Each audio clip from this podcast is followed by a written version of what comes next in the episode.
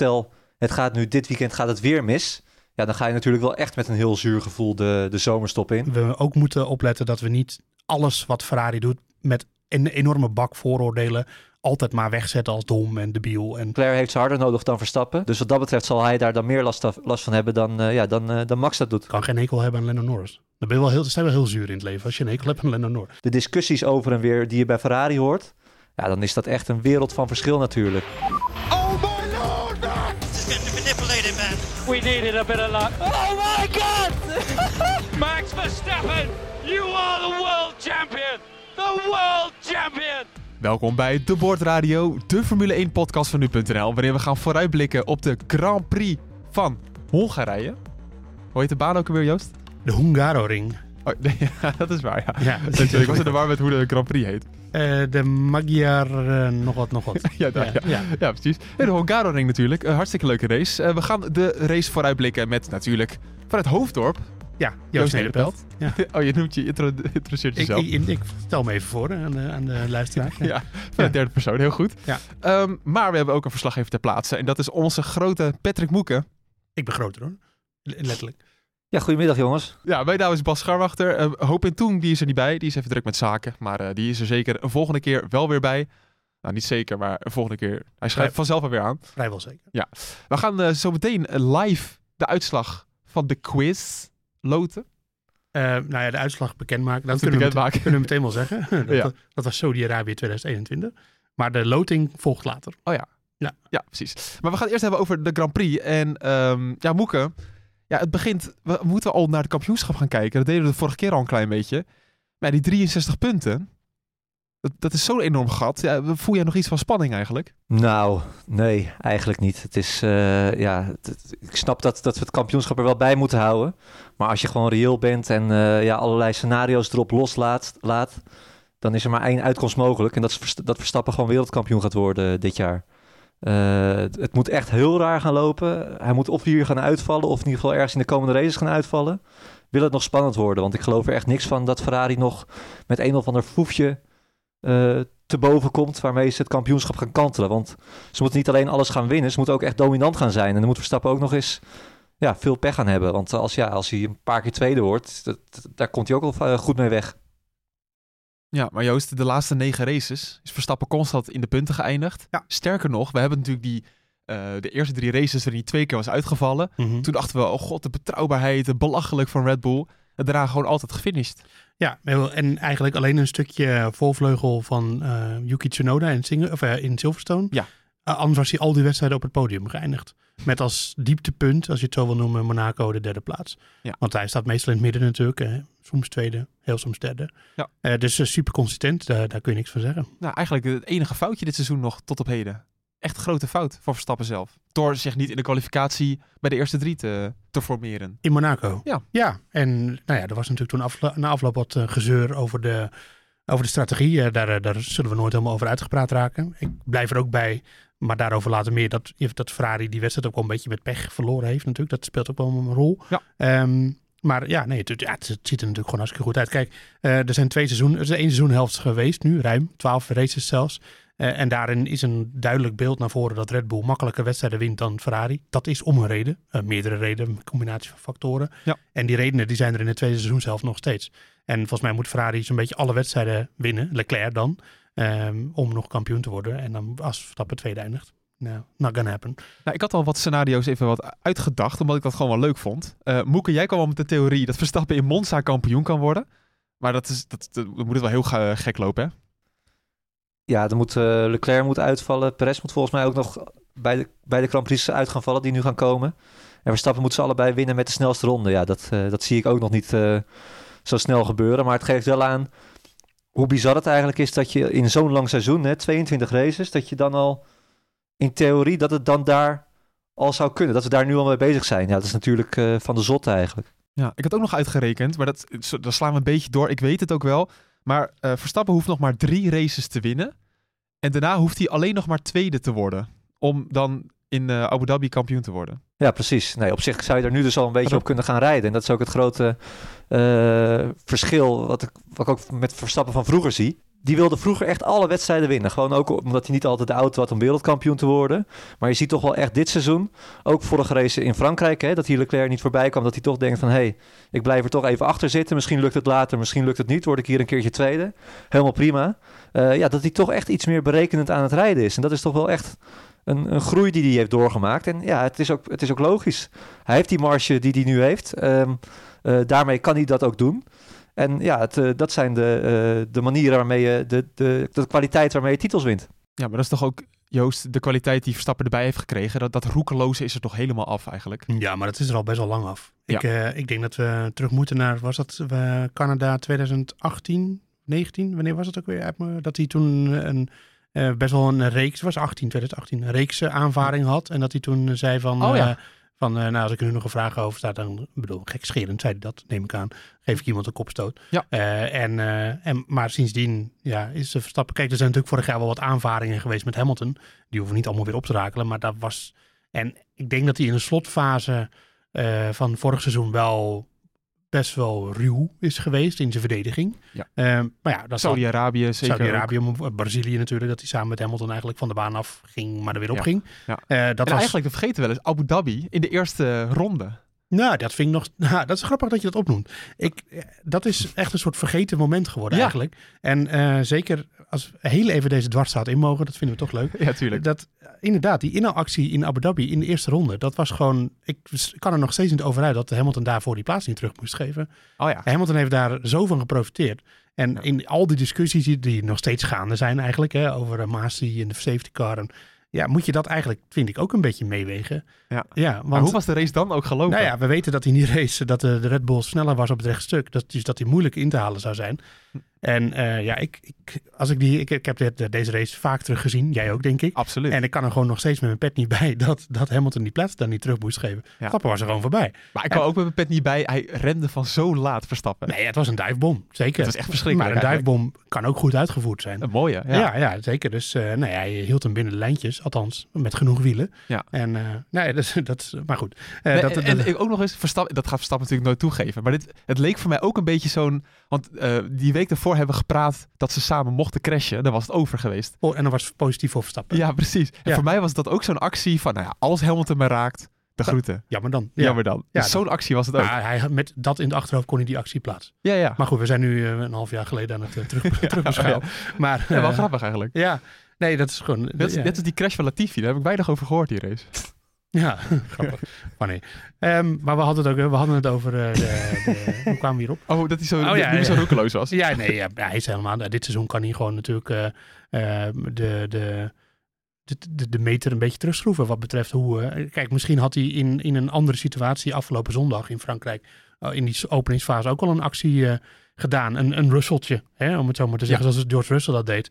Uh, en dat hoefde hij nu niet te doen. Nee. En um, ja, dus dat is, uh, hij zit in een lekkere positie. En hij hoeft in principe, Verstappen die hoeft geen, uh, geen halsbrekende toeren meer uit te halen om nog kampioen te worden. Dat, hij kan het gewoon, hij, kan hem, hij kan het seizoen eigenlijk gewoon relaxed uitrijden. Ja. Dat gaat hij waarschijnlijk niet doen. Hij wil gewoon nog steeds races winnen. En, maar we moeten het denk ik nu meer van race tot race gaan bekijken. Gewoon races als losse evenementen gaan zien. Ja. Hè? Als van wie gaat er winnen. En het kampioenschap een beetje ja, vergeten. Ja, weet je, wie uh, het zeker afgelopen week niet vergeten is, is natuurlijk Charles Leclerc, Moeke. Uh, de man die natuurlijk uh, op eigen fout, dat weten we nu 100% zeker, gecrashed is. Um, wel lekker voor hem dat dan gelijk weer een race volgt, hè? Om even die kater weg te spoelen. Ja, zeker. Nou ja, dat zou je natuurlijk ook twee kanten op kunnen redeneren. Hè? Want stel, het gaat nu dit weekend gaat het weer mis. Ja, dan ga je natuurlijk wel echt met een heel zuur gevoel de, de zomerstop in. Aan de andere kant denk ik dat hij uh, ja, dat ja. eerste scenario verkiest. Dat zal hij ongetwijfeld ook gewoon zeggen tegen ons uh, uh, straks tijdens de persdag. Alleen, uh, ja, ik hoop dat hij zich een beetje herpakt heeft. Hè. We hebben het er zondag ook al over gehad. Hoe nederig hij na afloop was. Uh, hoe schuldbewust hij was. Uh, hoe klein hij eigenlijk was. ja, daar moest hij zich echt wel even van herpakken. Daar stond dan niet iemand waarvan ik denk van... Hey, uh, die gaat de rest het snot voor de ogen rijden de rest van het seizoen. Terwijl we wel hebben gezien in Frankrijk natuurlijk... dat Ferrari, ondanks alles, wel gewoon een hele snelle auto heeft. Nou, sterker nog, we, we vergeten nog wel eens hoe sterk uh, de Ferrari is toch, Joost? Want natuurlijk, uh, Red Bull heeft laten zien in de races dat ze ervan goed kunnen profiteren. Mm -hmm. Maar eigenlijk is de Ferrari op dit moment toch sneller dan de Red Bull? Ja, kijk, afgelopen zondag, dat, dat zullen we natuurlijk nooit weten. Want uh, in principe was Red Bull natuurlijk wel met een geslaagde undercut bezig. Ja. Hè, en dan had het best kunnen zijn dat, dat Verstappen gewoon had gewonnen. Oké, maar als je gewoon naar de kwali- kwalificatie ook kijkt, dan ja, is de Ferrari zeker over één ronde iets sneller. Ehm, dat zegt Verstappen zelf ook trouwens steeds. Die blijft dat maar benadrukken. Ehm, Nou, makkelijk voor het GP-spel. ja, ja, zeker. Leclerc altijd op één en Verstappen op één in Ja, de precies. race. Dat is een ABC'tje. Ja. Eh, nee, dus ik, ik denk dat dat eh, inderdaad eh, wel klopt. Maar je moet natuurlijk gewoon ook kijken naar of een auto een goede raceauto is. Wat betreft eh, eh, of hij hoge topsnelheid heeft. Of, eh, of hij goed met de banden omgaat en zo. En ehm, ze zijn daar, ja, daarin zijn ze zeker niet het hele seizoen altijd het snelste geweest. Of het sterkste geweest natuurlijk. Dus dat, er zitten ook wel wat bepaalde zwakheden in de Ferrari. Al hebben ze die er redelijk uitgefilterd. Ja, ja Moek, ik heb soms wel het idee dat Ferrari zich beter ontwikkelt dan de Red Bull.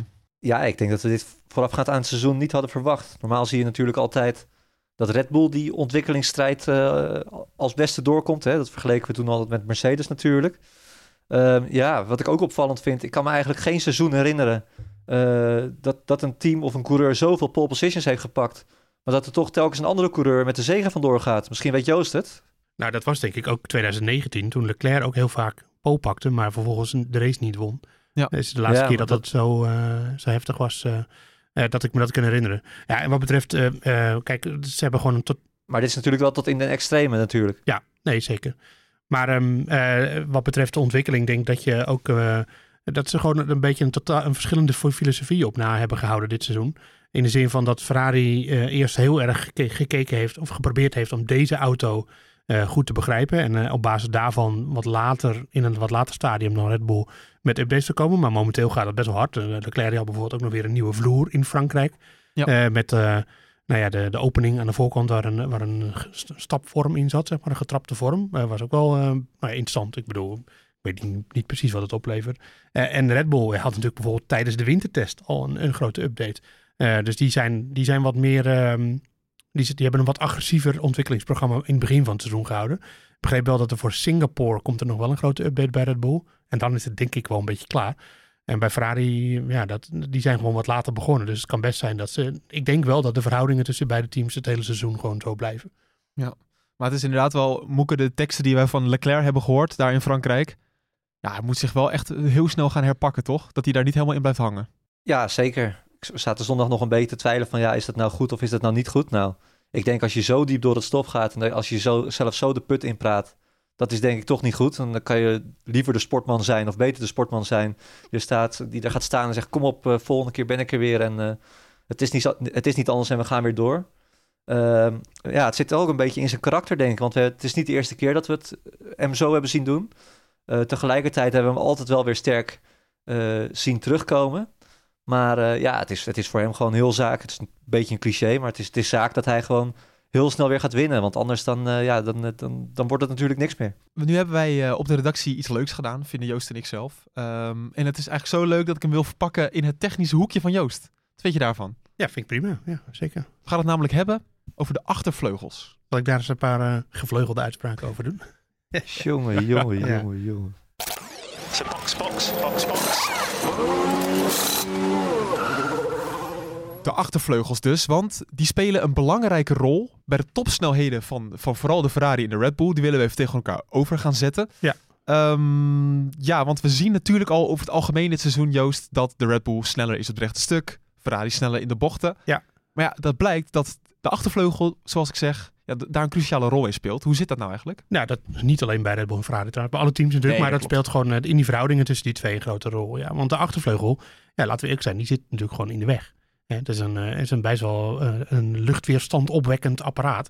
Eh, Maar is en- het niet gewoon nodig voor de downforce? Ja, je hebt hem nodig voor de downforce. Ja. Maar hij, eigenlijk zou je willen dus dat hij er op, de, op het rechtstuk, dat hij er helemaal niet zat. En dat hij dan vlak voor de bocht, zoals à la DRS. Maar zo'n DRS, dat dat hij dan met de onderkant scharniert. Ja, Dat- precies. Dat hij gewoon helemaal achterover hangt. Ja, dat, dat mag niet. Maar ehm, nee, dus eh, ja, even kijken. We moeten gewoon, eh, denk ik, even teruggaan aan het begin van het seizoen. Toen begon Ferrari heel erg met een downforce gerichte auto. Dus die was erg gericht op de bochten. Ja. Eh, en nu denken mensen, hé, maar dat was afgelopen weekend in Frankrijk toch ook zo? Ja, ja maar nee. Eh, want eh, dus die teams hebben allemaal verschillende specificaties achtervleugels. Ehm, en de ene, ene achtervleugel heeft een groter profiel dan de andere. Ja. Eh, en dat houdt bijvoorbeeld vooral in dat, dat de, eigenlijk is het zo. hoe groter het profiel, heb je meer downforce, maar ook meer luchtweerstand. Dus je, je, je krijgt er wat voor in de bochten, want je krijgt meer downforce, maar je betaalt er wat voor op het rechtstuk, want je krijgt meer luchtweerstand, dus een lagere topsnelheid. Ja, Omdat die gewoon in de weg zit. Precies, en meer profiel is eigenlijk gewoon de grote Het formaat. het ja. formaat. Ja, het, het hoeveelheid lucht die die vangt. En je moet ook niet vergeten dat het, er zit natuurlijk een aerodynamisch werkend element in. Dat is het, het- het hele idee van de, de achtervleugel. Dus hij, er, er wordt natuurlijk eh, eh, wel bepaald drukgebieden worden er opgebouwd in, boven en onder die vleugel. En die leveren ook nog eens extra luchtweerstand op. En dat, dat verzorgt uiteindelijk de downforce. Ja. Want de, achter, de, onder, achter de achtervleugel, daar ontstaat onderdruk. En daardoor wordt hij naar beneden gezogen eigenlijk, of naar beneden gedrukt. Eh, zo moet je het zien en zo wordt hij op het wegdek gedrukt. Ja. Ehm, nou, Ferrari begon het seizoen met een soort schuurdeur achterop. En die zat er best wel lang op. Eh, volgens mij uit mijn hoofd tot en met Miami hè, hebben we berekend. Ja. Eh, waardoor en, en de Red Bull die begon met, die had al vrij snel een low drag achtervleugel. Dus dat is een vleugel die minder neerwaartse kracht geeft. Dus minder bochtsnelheid, maar ook minder luchtweerstand. Dus een hogere snelheid op het rechtstuk. Ja. Die zat erop in Jeddah. En dat is de low drag achtervleugel van, van Red Bull. En die zat er in een bepaalde vorm nu ook weer op in Frankrijk. Ja. En dat is voor het eerst dit seizoen dat we hem weer hebben gezien. Sinds tussendoor hebben we hem niet gezien. Ja, Ehm, want eigenlijk is het best wel grappig hoe Ferrari het aanpakt. Want wij zijn tot de ontdekking een beetje gekomen dat ze vier verschillende achtervleugels vier, hebben. Ja, ja, ja en zeker. Red Bull drie. Red Bull heeft, we hebben er drie gezien. Ja, misschien verschillen ze ietsje van elkaar, dat zou kunnen. Ja. Maar in grote lijnen drie, ja. Ja, en eigenlijk is het gewoon zo, ze hebben een hele snelle achtervleugel, een eh, gemiddelde en een eh, eentje voor Monaco. Precies. Zo moet je dat zien. Ja, ja, ja. ja. En, ehm, ja, maar wat ons eigenlijk opviel is dat Ferrari vanaf Bahrein heel lang dezelfde achtervleugel heeft gebruikt, die schuurdeur. die schuurdeur, ja. heel hoog. Ja, ja, echt een joekel. En eh nou, dat leverde heel veel op in de bochten natuurlijk. Ja. Ehm, en daardoor waren ze bijvoorbeeld ook in Monaco eh, natuurlijk snel. En die zal er in, denk ik, komend weekend weer op zitten. Toen hadden ze eh, voor Miami hadden ze eigenlijk een low drag achtervleugel mee. En een hele kleine eigenlijk, dus een heel dun profiel. Ehm, maar die hebben ze daar niet gebruikt. En wat bleek? Verstappen reed Leclerc daar op het rechtstuk zo voorbij. Want eh, Red Bull had daar wel een medium eh, achtervleugel, niet de grote. Ehm, en eh, die zat er daarna. pardon. en die zat er daarna, dus diegene die ze in Miami niet hebben gebruikt, die zat er wel op in Baku. En daar hadden ze dus best wel een hoge topsnelheid. En sinds Canada heeft Ferrari die achtervleugel die meer gericht is op DRS eigenlijk. Dus dat het DRS veel effectiever is. En die zit er sindsdien op. En daardoor hebben ze, ja, Ferrari zegt zelf, we hebben geen downforce ingeleverd, maar het is toch een hoop minder luchtverstand. Ja, moet je toch even uitleggen hoe dat zit. Want ze hebben een, een nieuwe achtervleugel dus geïntroduceerd in Canada. Ja. Dat was dan ook het verhaal dat alleen Leclerc hem kreeg. Ja. Want Sainz dus nog niet, want want ze hadden te weinig onderdelen. Ja. ja. En die, we hebben dus die, die achtervleugel in Canada gezien in Silverstone, Oostenrijk en nu ook in Frankrijk. Ja. Maar waarom is DRS daar dan effectiever op? Hoe werkt dat? Nou ja, dat, dat komt dus omdat eh, dus- dus die, als je gewoon kijkt naar voor, van de voorkant naar een vleugel, vleugel, dan heeft hij het onderste element en het bovenste element. Het bovenste element klapt open als er DRS is. En die klapt weer dicht als er geen DRS is. En eh, dus het is natuurlijk zo dat als je eh, allebei, laten we zeggen, op die eerdere versies van die Ferrari was het gedeelte van de DRS wat openklapte, was relatief kleiner. Ja. En daarmee, dat, die levert dus ook veel meer luchtweerstand op en veel meer, eh, maakt, verzorgt meer downforce. Maar als je hem overklapt, dan gaat er maar een relatief weinig gedeelte van de luchtweerstand weg. En nu hebben ze een vleugel waar een groter gedeelte van de luchtweerstand ehm, wordt, wekt die op. En ook een groter gedeelte van de downforce. Maar dat heb je toch niet nodig op het rechtstuk. En als je dan op het rechtstuk, rij, stu- rechtstuk rijdt, sorry, en je klapt hem open, dan gaat er dus meer van de luchtweerstand weg. En dus is hij sneller relatief. Terwijl je over het geheel van de vleugel net zoveel downforce hebt. Ja, precies. Dus eigenlijk de, de, de vleugel is wat korter geworden aan de onderkant. Het onderste gedeelte is minder geworden, kleiner geworden en het bovenste gedeelte is groter. En dat, en dat betekent niet dat de totale opening van het DRS groter is, want daar zijn limieten aan. Dat weten we nog van vorig jaar, hè? Brazilië, eh, wanneer was het? Eh, eh, dat is niet hetzelfde, maar gewoon het gedeelte wat downforce en luchtweerstand oplevert, dat zit meer in de bovenkant eigenlijk, zo moet je het zien. Ja. Nou, wat eigenlijk bijzonder is dat we dat dus een patroon he- voor hebben ontdekt. Als je de beelden ervan wil zien, kan je ook de video op nu.nl checken. Ja. Want daar hebben we ook een verhaal over gemaakt. Ehm, maar waarvoor, w- w- het ging fout voor Red Bull in Oostenrijk. Ja. Eh, en wij begrepen dat allemaal niet zo goed. En we, we keken naar de banden en allemaal dat soort dingen. Verstappen was ontevreden. Ja. Maar nu heb jij een beetje, Joost, jouw onderbuikgevoel laten spreken. Ja. Je hebt de foto's bekeken en jij Ja. hebt misschien wel de oplossing gezien. Nou ja, Verstappen zei het eigenlijk zelf ook een beetje tussen neus en lippen door, denk Oh. ik. En dat ze, dat, ze, dat ze gewoon de verkeerde achtervleugel op de auto hadden in Oostenrijk. En dat ze daardoor gewoon topsnelheid tekort kwamen. En dat ze daardoor zwak waren in de race. En En dat het dus echt misschien wel meer daaraan lag dan aan de banden die te snel sleten. Ja, in Oostenrijk, ter, voor een beeld te krijgen, hadden ze de achtervleugel die ze bijvoorbeeld op Imola hebben gebruikt. Ja. Maar ook in Australië, en Bahrein, Silverstone. Ja, en eh, die Red Bull, of die Ferrari, die had dus die nieuwe achtervleugel met effectief DRS. Ja, en die konden toch wel vrij makkelijk langs. En dat was met een kleinere achtervleugel die dus dit weekend in Frankrijk wel weer op de auto zat. Eh, bij Red Bull was dat waarschijnlijk niet gelukt met, de- voor, eh, door Leclerc. Ja. Dus eh, ja, dat zijn keuzes die ze maken. En dat, dat zei eh, Verstappen ook. Ja, we moeten gewoon andere, we hebben andere keuzes gemaakt. Eh, we moesten ten opzichte van, van, eh, van eh, Oostenrijk andere keuzes maken. En zo zie je dat die teams daar altijd mee bezig zijn. Eh, met, eh, met welke achtervleugel zet je erop? En hoe, houdt, hoe hard gaat de auto dan op het rechtstuk? Hoeveel downforce levert die op? En daar hebben ze verschillende keuzes zijn. Kijk, voor sommige circuits zijn bepaalde achtervleugels gewoon onbruikbaar. Ja. Mercedes gebruikte bijvoorbeeld in, in eh, Frankrijk in de vrije training had Hamilton hun schuurdeur er zeg maar op zitten. En die zei, ja, het is net alsof ik met een parachute achter de auto rijd. Ja. Die is gewoon te veel, een Ja. luchtweerstand. En ja, dus dat is, dat is een leuk spel wat dit jaar ook nog gaande is. En waardoor teams ook vaak weer nieuwe achtervleugels gaan ontwikkelen. Dus als je een team hoort met van, we- wat hebben we nieuw dit weekend? Nou, nieuwe achtervleugel. Dan is het waarschijnlijk een aanvulling op hun mogelijkheden. Dus dan, eh, ja, En dan gebruiken ze dus de Monaco-spec. En die we bij de Red dit, Bull dit hebben ge- weekend. Ja. Dit weekend, ja, Ja. inderdaad. Die we hebben gezien in Monaco natuurlijk. Ja. Maar ook in Spanje. ja, maar dat is ook een high downforce circuit, Spanje. Kijk, daar is het, is het rechtstuk natuurlijk heel lang. Maar het, je verliest zoveel tijd in de bocht als je daar te weinig downforce hebt. Dus eh, Dat is eh, interessant, Joost. ja, dank Ja, je. toch Ja. wel leuk. En als je nog de beelden erbij wil zien, kan je altijd de video op Nu Plus checken.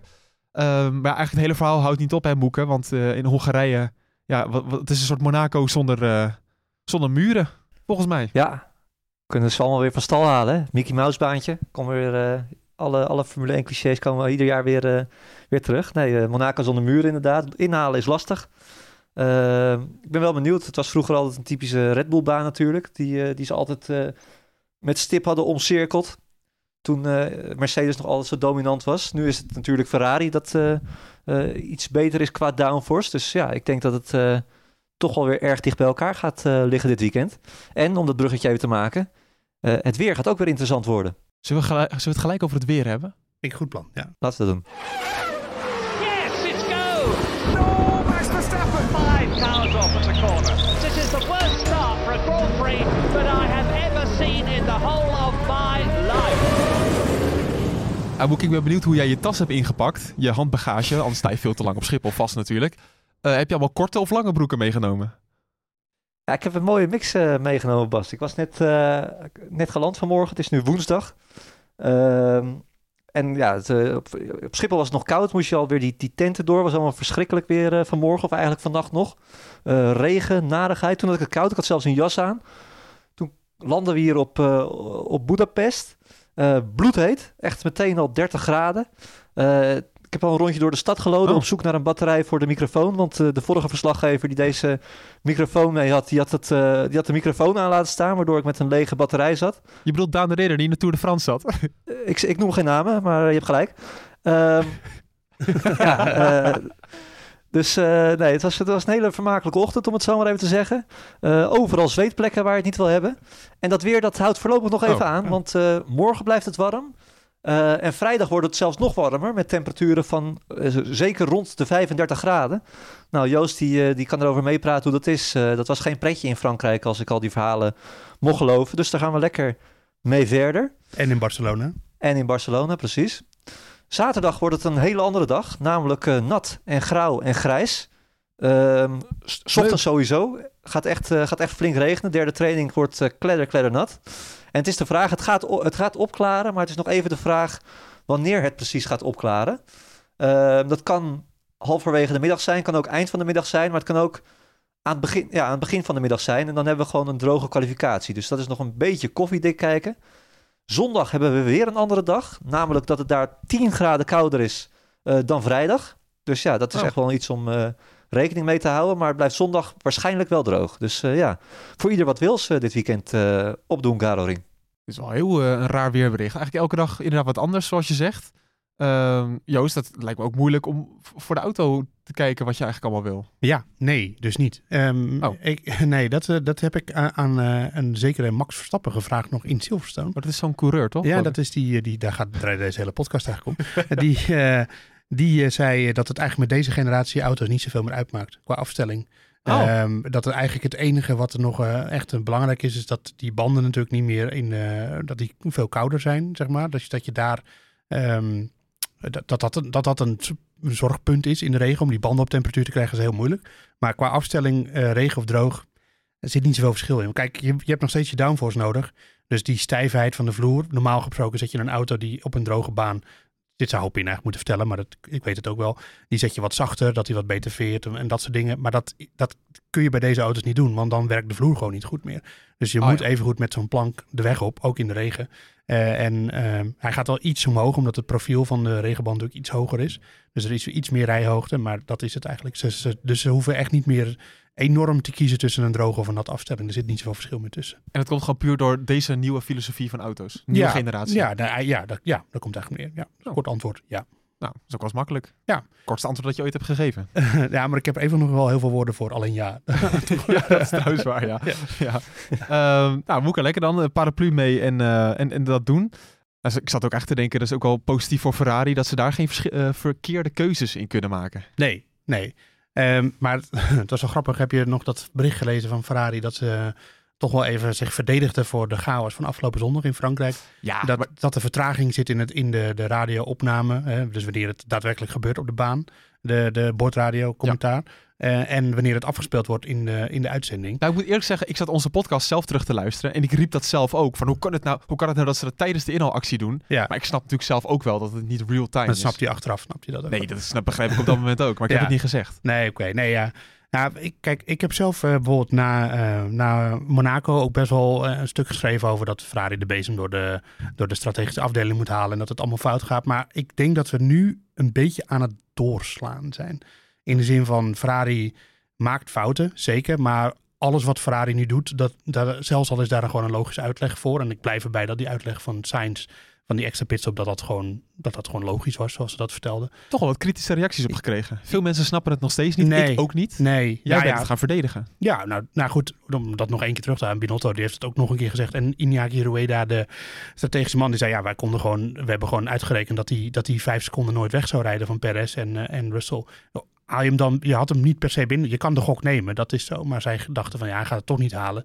Dus we laten hem eh, wissel... en dan krijgt hij nog een extra punt voor de, voor de snelste ronde. Maar heel eerlijk, achteraf, je wist dat Russell en met Perez in gevecht zou komen. Ja, dat, dat is allemaal wel zo. Maar waar ik eigenlijk Ja. naartoe wil, kijk, Oh ja. is gewoon dat we ook moeten opletten dat we niet alles wat Ferrari doet met een enorme bak vooroordelen altijd maar wegzetten als dom en debiel. En, maar dat is wel een beetje wat er nu aan het gebeuren is, vind ik. Dat, dat gewoon, Ja. Ik wil het ook een beetje voor ze opnemen. Ik bedoel, het, het, ze maken relatief veel fouten voor een topteam. Ze zijn minder gewiekst hè, dan, eh, dan Red Bull. Dat weten we allemaal. Eh, ze hebben ook heel lang niet voor in een titelstrijd gezeten. Tenminste, 2018 eigenlijk voor het laatst. Ja, bedoel, dat, dat het is ook niet zo dat alles wat ze doet. eh, Ik bedoel, je gaat dan van tevoren met een bepaalde aanname van: oh, het is Ferrari. Zij doen iets. Nou, Ferrari, dat is debiel.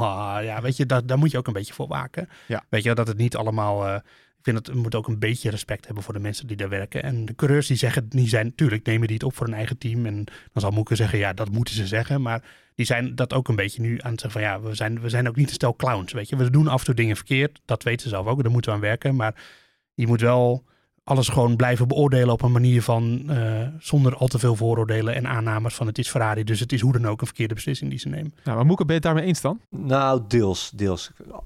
Ja, ik, ik vind eh, Joost tegelijk dat eh, het, het wordt misschien wel een beetje eentonig. Ik, zou- je kijkt er ook misschien iets anders naar. Maar als je dan toch de, de vergelijking trekt tussen Ferrari en Red Bull. En als je dan hoort wat, voor- wat voor rust er altijd bij Red Bull gaat. Of eigenlijk, nou ja, ik heb, je kan ze zelden betrappen op een tactisch foute keuze. Eh, en dan de chaos, eh, de, de, de, de, de discussies over en weer die je bij Ferrari hoort. Ja, dan is dat echt een wereld van verschil natuurlijk. Eh, eh, en ook ja, Mercedes eigenlijk ook. Vorig jaar. Die, die, zaten ook op hetzelfde niveau als Red Bull. En als je dan ziet ja, wat, wat er bij Ferrari allemaal gewoon het, de manier van praten ook. Hè, en de manier van handelen als er zo'n safety car gebeurt. En bij Red Bull is er, er is nooit twijfel. Het is altijd eenduidig. De coureurs die hebben er natuurlijk ook vertrouwen in. Want het werkt natuurlijk ook door. Kijk, en het is natuurlijk zo dat die boordradio van Sainz weliswaar vertraagd is. Ehm, maar Sainz die zei tijdens die, eh, tijdens die race ook... eh, van jongens, waarom nou nu? Hè? Dus het is, ook wel, het is ook weer niet zo vertraagd eh, dat het totaal uit zijn context is. Nee, Sainz die was, eh, die was er ook geïrriteerd door. dat hij naar binnen moest komen. Nee, ik zal ook niet beweren dat het allemaal goed gaat. Dat, dat is niet wat ik zeg. Alleen, eh, net als met eh, dat, eh, dat van de, dat eh, Ricky, de, de, die, eh, de engineer van Science, zei van you got a five second time penalty. En, en Science zei no, no, it's a five second penalty. V- v- Vijf seconds stop and go. Ja, stop en go bedoel ik. Ja, ja, Ja. Het werd heel groot gemaakt. Van, ah, belachelijk dat dat nou... eh, en dat, ik- want ik heb alle podcasts... Ik ben teruggereden uit Frankrijk met de auto. Dus ik heb alle podcasts gelezen, geluisterd. En dat werd enorm groot. En dan denk ik, ja, hij verspreekt zich gewoon. Want hij bedoel, hij, hij ging Science echt een vijf seconden stop en go penalty. Bestaat niet eens. Dus hij Nee. ging Science niet echt niet binnenhalen voor een... Het, het mooie is, hier hebben wij dus het al aan het begin van het seizoen over gehad, hè, over die verwarring. Onbewust hebben we de teams er al voor gewaarschuwd. Want jongens, eh, stop en coast, het loopt door elkaar heen. Kijk nou uit. En je ziet het wat er van Ja. komt. Nee, de- ja, dat... Wij zijn de eerste ooit in de hele Formule 1 wereld die dat aangekaart hebben. Nu ik erover nadenk. Het is toch geweldig eigenlijk. Ja, ik denk dat je een beetje overdrijft, maar oké. maar eh, Hey, het is nee, toch zo? eh, het is... eh, Ik heb er nog nooit iemand over gehoord en nu gaat het mis. Ja, ik denk het wel, ja. Ja, nee, je hebt gelijk. Ja. Maar ehm, even serieus nu. Ehm, het is, eh, het, het- ik bedoel, dat is gewoon een verspreking, weet je wel. En, dan, en Sainz die zegt dan van nee, nee, vijf seconden, tijd, vijf seconden penalty gewoon. Ja. En, dat is, en dat wordt dan ook weer zo groot gemaakt. Dan denk ik, ja, weet je, als zou dat bij Red Bull gebeuren. Oké, bij Red, maar ik moet, dat wil ik ook nog zeggen. Red Bull is denk ik op dit gebied het allerbeste team. Want ik heb de afgelopen jaren, en daar hebben we ook wel om gelachen, ook bij Mercedes best wel veel fout zien gaan hoor, over Ja. van dat soort dingen. En alleen ja, dan is het Mercedes, dus dan is het allemaal, eh, oh ja, dan, dan valt niemand erover. En als het bij Ferrari gebeurt, dan is het nou, wat, nou, Ferrari kan zichzelf beter opdoeken. Wat een schande dat team. Maar er gaat best wel veel mis. Er gaat door de hele pitstraat bij alle teams gaat best wel veel mis. En, de- maar alleen dat horen we lang niet altijd. Want de regie, die weet het natuurlijk ook. Hè? Die, die weet ook dat dit een ding is bij Ferrari. En die gaat dat dan ook extra natuurlijk. Want de regie is uiteindelijk, dat weet jij net, jij als videomaker als geen ander. Zeker. Je bent ja. altijd een verhaal aan het maken. En dat, daar doet de regie natuurlijk ook gewoon. Die, die doen daar ook een beetje, vind ik, een beetje te dik doen ze daaraan mee. Ik hou wel van de verhalen dan achteraf. Met al die accounts die dan die bordradio of de onboards terug gaan kijken. Ja, Zoals een Alonso in, in Oostenrijk. ja, Die ging bij de virtual safety car naar binnen. Ja, en zijn band zat er niet goed op. Ja. Heeft hij een heel rondje met een losse band gereden. zonder wat te zeggen. Heel slim. Ja, anders was hij gedisqualificeerd. ja, Eh, maar dat hebben we nooit op tv gezien. nee. Ik denk, dat vind ik zo ongelooflijk. Nou ja, dat is één ding. Maar er- wordt, dus het zijn keuzes van de regie. En keuzes van wanneer speel je iets af en wat speel je af. Ja. Weet je, en dan moet je toch altijd een beetje rekening mee houden. En ik heb het idee dat de regie het, het, eh, het eh, chaos bij Ferrari verhaal, dat vinden ze wel mooi. Dus dat, dat zijn ze een beetje aan het sturen. en dan ook precies die bordradio van, van Sainz tijdens dat gevecht Ja. erin gooien. Ja, dat, dat is een keuze. Dat Ja. drukt gewoon iemand op een knopje. Weet Ja. je wel? Dat is net als met eh, vorig jaar eh, No Michael No. Eh, dat, No Mikey No bedoel je? nee, nee. dat, is, dat is ook gewoon een keuze. Omdat op dat, moment- dat is niet live. Dat er zit altijd een censuurcommissie. Dit is- Ik bedoel, dat er, geen, er moeten dingen uitgepiept worden als er gevloekt wordt. Weet je wel. Als iemand fucking zegt of zo. Wat je in Nederland gelukkig gewoon mag zeggen. Ja, nu krijgen we weer zo'n melding van Spotify. Ja, nee, ik bedoel, de- en daar moeten we gewoon. Dus ik, ik, ik beweer niet dat het bij Ferrari vlekkeloos loopt. Verre van. En ze moeten dingen verbeteren, dat is zo. Maar de, de moraal van het verhaal is: ga, sla er ook niet in door. En ga ook niet met een hele bak vooroordelen. Alles wat ze doen, maar wegzet als dom. Kijk, Ferrari is uiteindelijk gewoon een Nederlands merk. Hè, dus daar moet ook een beetje trots op zijn. Is Ferrari een Nederlands merk? Zeker, Ferrari is een NV. Dus ze zijn gewoon eh, genoteerd eh, in de woonachtig, of tenminste de ge- gevestigd in, in Amsterdam. Hier. Ja, precies. Ja. De, de rekening van Ferrari staat in Nederland. De, het is een beetje een brievenbusconstructie, ja, dat klopt. Maar wij kunnen Ferrari gewoon claimen als Nederlands merk. Dat is best wel mooi, toch? Het lijkt ook wel op oranje natuurlijk, die rode kleur. Nee, nou ja, dat, ik nog nooit over. De brandweerauto's zijn ook rood in Nederland. dus, eh, ja, ja, nee. eh, dus dus, Ferrari. Hup, Ferrari. We moeten gewoon eh, aan Nederland eh, moeten Ferrari claimen. En ook een beetje eh, ze af en toe het voordeel van de twijfel geven. Ja. vind ik. Maar Moeke, wij weten eh, de geschiedenis van Joost. De fanboy van Ferrari. Hoe serieus moeten we dit nemen? Nou, hij heeft, eh, nee, ik moet hem een klein beetje bijvallen hoor. Dat, eh, nee, hij, heeft, hij, heeft, hij heeft zeker een punt. En dat verhaal van de regie, dat klopt, eh, dat klopt natuurlijk wel. Wel een mooi woord trouwens. Ja. De censuurcommissie van de Formule 1. Die kan, die kan, kan weer de boekjes in, hoorde ik hem zeggen. Ja, daar zou ik ook wel bij willen werken, de censuurcommissie. Dat, eh, ja, zo... eh, Ja. ja. Ja, dat stukje even voor Ferrari. Maar we moeten het ook nog even over Mercedes hebben. Want na afgelopen week hebben we allemaal een beetje met, z'n- met, met z'n allen het gevoel van Mercedes zit er weer helemaal bij. Vol in de mix. Joost begint al geïrriteerd nee te schudden. Nee. Waar heb je het over? Ja. Maar toch, eh, Hamilton was sneller dan, eh, dan Perez. Russell was ja, misschien ook wel een klein beetje sneller dan Perez. Perez was gewoon heel slecht. Lag het aan Perez? Ja, Perez was heel slecht afgelopen weekend. Dat, dat, dat vindt hij zelf ook. Dus, eh, en er valt eh, één Ferrari valt uit. De andere moet van achter komen. Dit hebben we trouwens heb ik de afgelopen zondag ook al gezegd. Zeker. En eh, qua snelheid, als je gewoon naar de cijfers kijkt, dan waren ze zelfs iets langzamer dan normaal. Dat, ze, dat, eh, net toevallig een mooi persbericht gehad eh, met James Vals eh, ook aan het woord daarin. Ja. Eh, Valtteri James, we kennen hem allemaal wel. En die zei ook van ja, we proberen juist nu weer op snel te komen, want we waren gewoon best wel langzaam in Frankrijk. Dus eh, ja, nee, dat is een vertekend beeld. Echt waar. Ja. Scorebordjournalistiek. Ja, Moek, het is toch een beetje... Ik, ik heb wel het idee dat Mercedes weer helemaal eh, terug begint te komen van waar het was. Maar ja, we, overschatten ze wel nog een klein beetje. Nou ja, tegelijkertijd is het wel mooi dat ze kunnen zeggen van nou, we, we waren te langzaam. Maar we staan wel met twee mensen op het podium. Hè? Dus dat, eh, ja, dat is toch eh, wat dat betreft zeker progressie ten opzichte van eh, eerdere races die we dit jaar gezien hebben. En ik denk ook wel dat Mercedes het Ja. aan hun stand verplicht is. Eh, dat ze een betere tweede seizoenshelft gaan draaien eh, dan ze in de eerste seizoenshelft hebben gedaan. En als ze toch die slag kunnen maken, dat is eigenlijk ook weer ongunstig voor Leclerc. Die heeft natuurlijk alle zegens nodig. Eh, al- als stel, die Mercedes komen er weer bij. Die gaan ook punten insnoepen. Ja, dat, dat, dat zou nog meer ten gunste van Verstappen komen wat het kampioenschap betreft. De punten die Mercedes pakt, die pakt Le- Leclerc niet, inderdaad, zoals je zegt. Precies. En eh, Leclerc heeft ze harder nodig dan Verstappen. Eh, dus wat dat betreft zal hij daar dan meer last, af- last van hebben dan, eh, ja, dan, eh, dan Max dat doet. Ja, dat inderdaad na een weekend waarin twee keer een Mercedes-coureur op het podium stond. Ja. Nou, Joost begint al te lachen. Wanneer was nou de laatste keer dat dat hiervoor gebeurde? Ja, dat was eh Jeddah, Saudi-Arabië vorig jaar.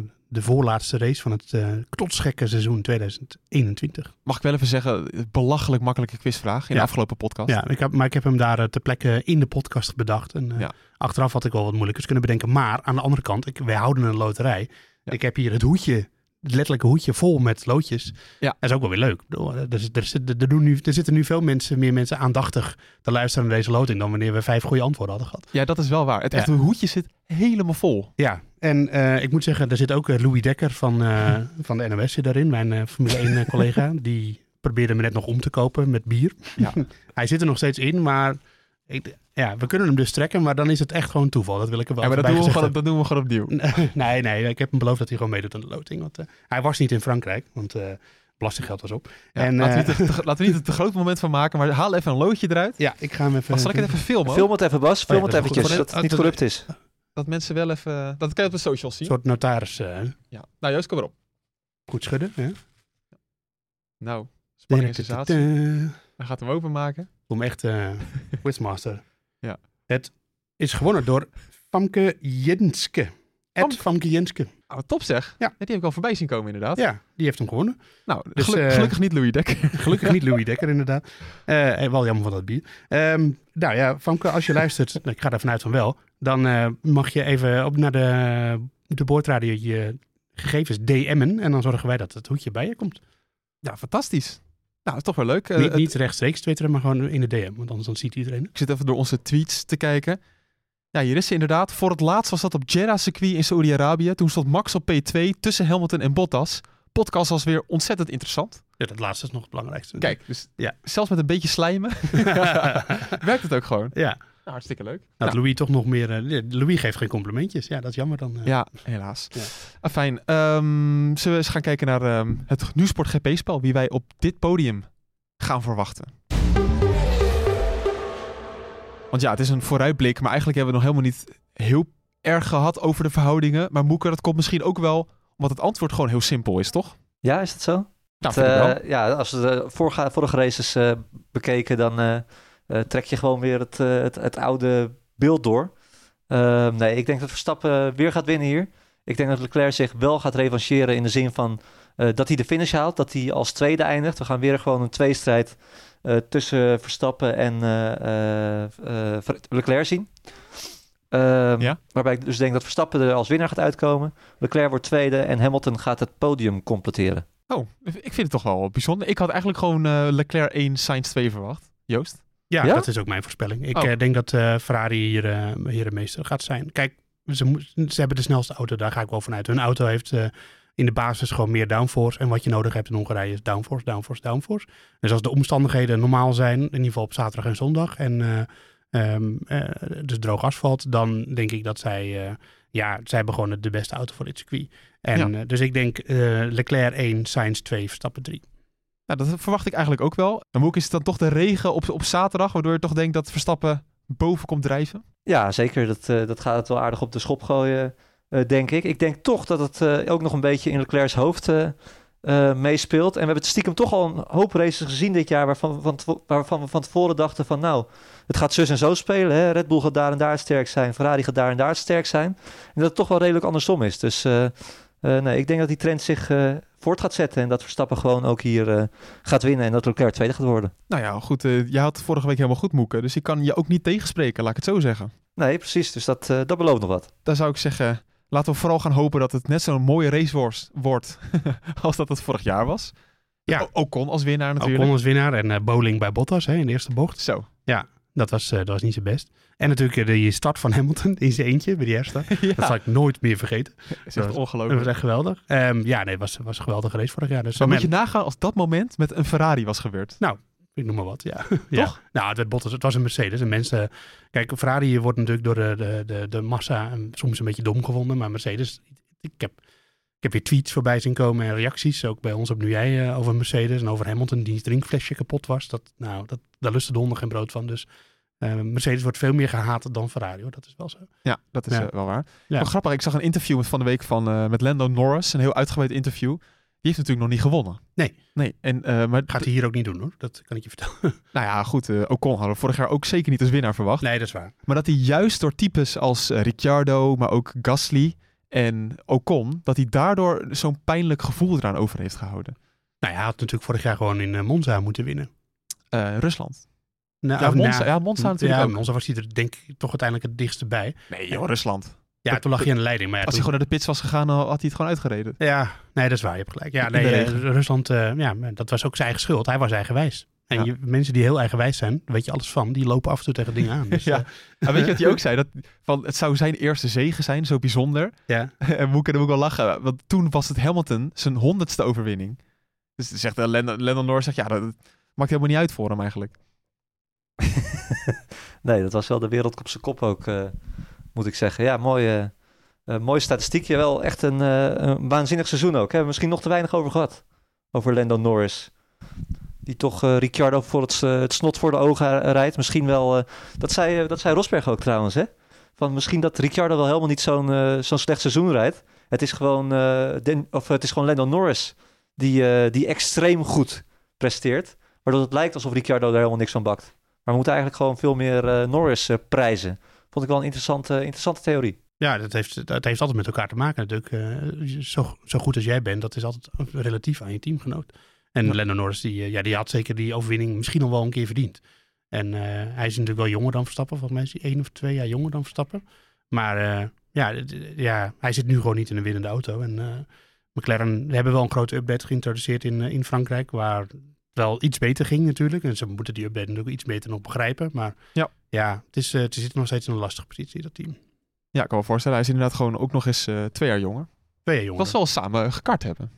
Ja, ja, dat klopt. Maar Ja. toen, ja, dat- ja, twee jaar. Maar geen idee hoe is volgens mij zo'n foto uit de karttijd dat je Verstappen naast Norris en dat Norris echt gewoon nog een, een, een, een- nou geen kleuter, maar Ja. echt een, een basisschooljongetje is en eh, Verstappen al wel wat groter. Nou, Norris heeft eh, die foto heel lang als achtergrond op zijn telefoon gehad. Oh ja. Die foto met Verstappen. Oh. Want het gewoon eh, maatjes waren. Nou ja, ze vlogen zondagavond nog met z'n twee terug met de helikopter naar Monaco, dus eh, dat Ja. zijn wel echt uh, BFF's. eh Ja, met Kelly er ook bij. Kelly er ook bij, ja, zit er ook in de helikopter. Ja, nou laten we hopen op zo'n race dat het misschien een keer eh, gunstig uitpakt voor Norris. Want eh, zou hartstikke leuk zijn, zou ik een hele leuke winnaar vinden.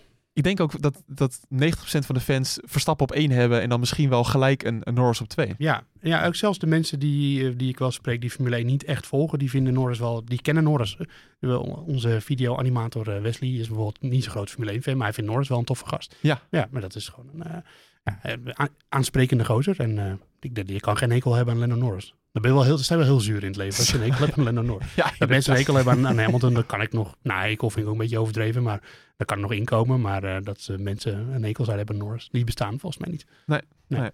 Fijn, we gaan hem afronden, mannen. Ik ehm, wens jullie heel veel plezier met het leven. Ik heb nog één vraag voor de mensen die eh, langer de podcast luisteren. Want wij hebben altijd de intro, die je aan het begin hebt gehoord. Eh, dat is nu heel erg nog Abu Dhabi gericht. Eh, eigenlijk zijn het alleen maar bordrijders uit Abu Dhabi. Ik moet hem gewoon nog een keertje aanpassen. Maar ik dacht, ik kan het doen, maar ik kan het ook het publiek laten doen. Dus ik heb op Twitter al gevraagd of mensen suggesties hebben welke bordradio's ik in deze intro moet doen. Ik heb er al een paar gehad, maar ja, bijvoorbeeld Kimi Räikkönen wordt dan genoemd, maar die doet niet meer mee, weet je wel. Dus het is wel historisch.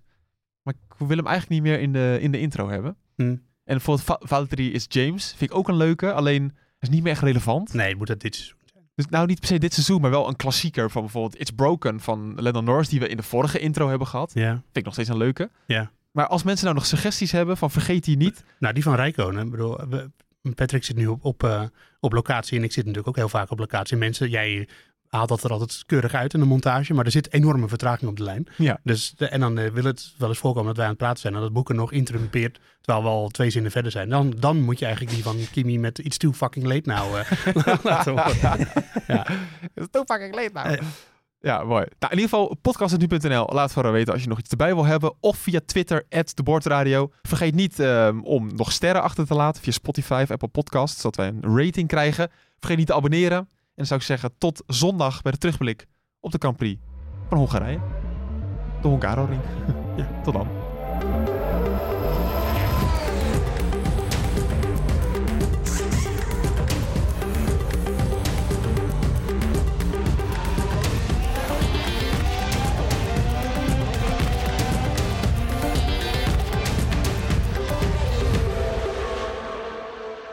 Hoe gaat het hoedje eigenlijk eh, opsturen? Dat moet je opsturen, gewoon met eh, die, die gooi ik hier gewoon in de postkamer met een adres erop. Oh. Wat dan? Heb je nou koffie overheen laten vallen? nee. Nee.